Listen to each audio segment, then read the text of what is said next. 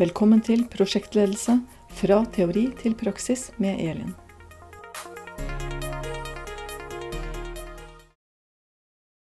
Hvis du jobber i et prosjekt, og så har du blitt bedt om å bruke prosjektveiviseren som metode for å styre dette prosjektet, så kan det godt hende at du på et tidspunkt reagerer litt på begrepet gevinstrealisering.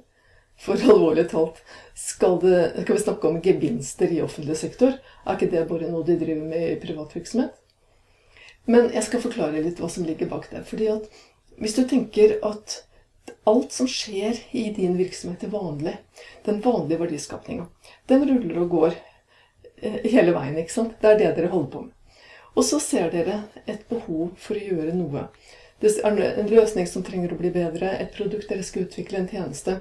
Altså et eller annet som dere ikke har kapasitet til å gjøre i vanlig drift. Dere må løfte det opp og kalle det et prosjekt. Og det prosjektet, poenget med prosjekter, det er at du løfter da ut denne oppgaven og setter på ekstra ressurser, for det trenger vi for å kunne gjøre det.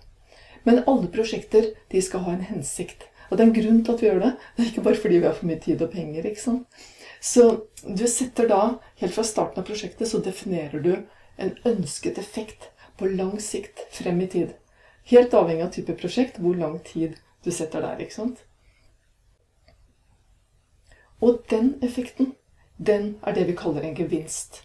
Og den gevinsten handler da ikke bare om penger. ikke sant? Det handler om den verdiskapninga du får til i kraft av at vi har gjort dette prosjektet. Så når vi kjører prosjektet, så skal den gevinsten, altså den effekten, den hensikten, den skal hele tiden være med oss.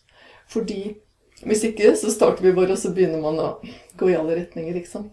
Så hele poenget med å bruke begrepet gevinstrealisering, det er fordi at vi skal ha fokus på at det som er hensikten til prosjektet, det skal være med oss hele tiden, sånn at vi sørger for at den løsningen, det produktet, den tjenesten vi utvikler, at den til enhver tid har med seg i bakhodet hva er det egentlig vi ønsker å oppnå?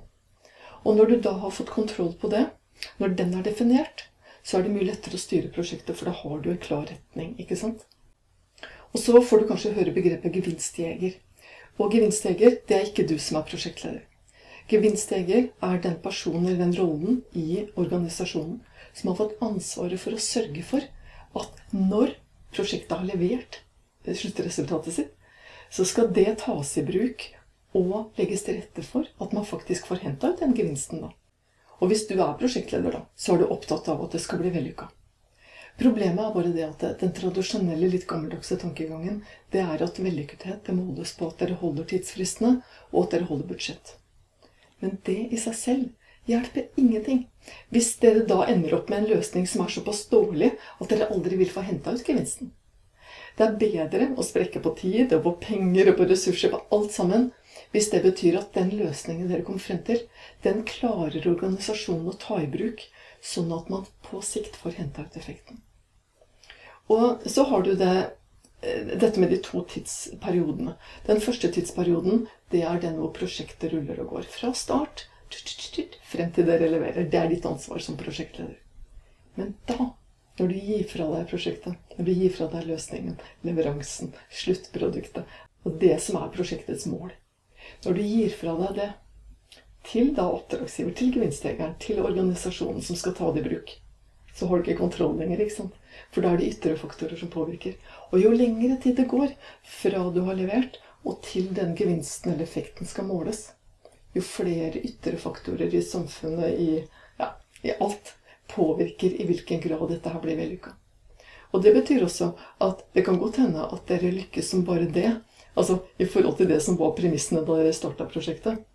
Og så får dere ikke henta ut noen gevinst. Fordi at det har skjedd så mye. Bare tenk hva koronaen har gjort med veldig mange prosjekter og muligheten for å lykkes nå i 2020. Men det kan også bety at det er andre faktorer som du ikke hadde kontroll på i prosjektet, som gjør at dette her lykkes som bare det.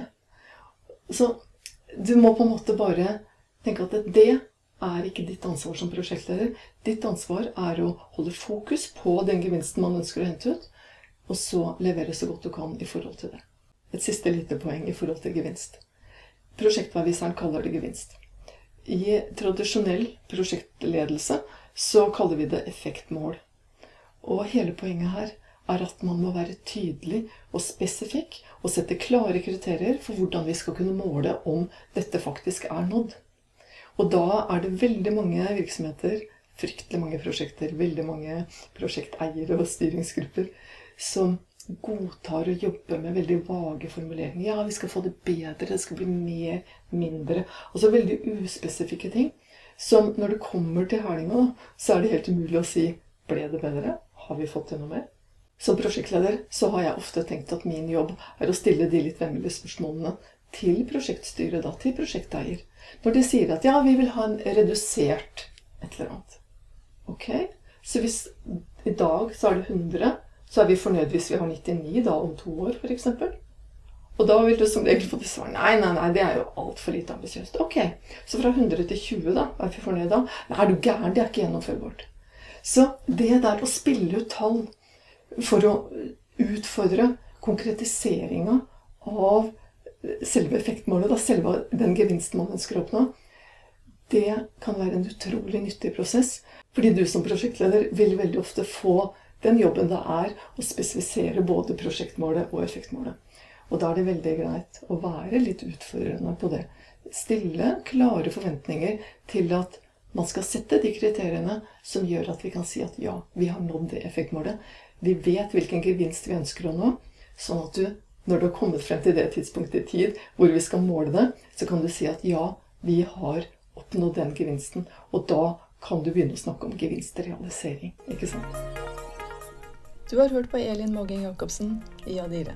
Gå til adire.no og finn mer stoff om prosjektledelse, samarbeid, relasjoner, konflikthåndtering i arbeidslivet og i prosjekter.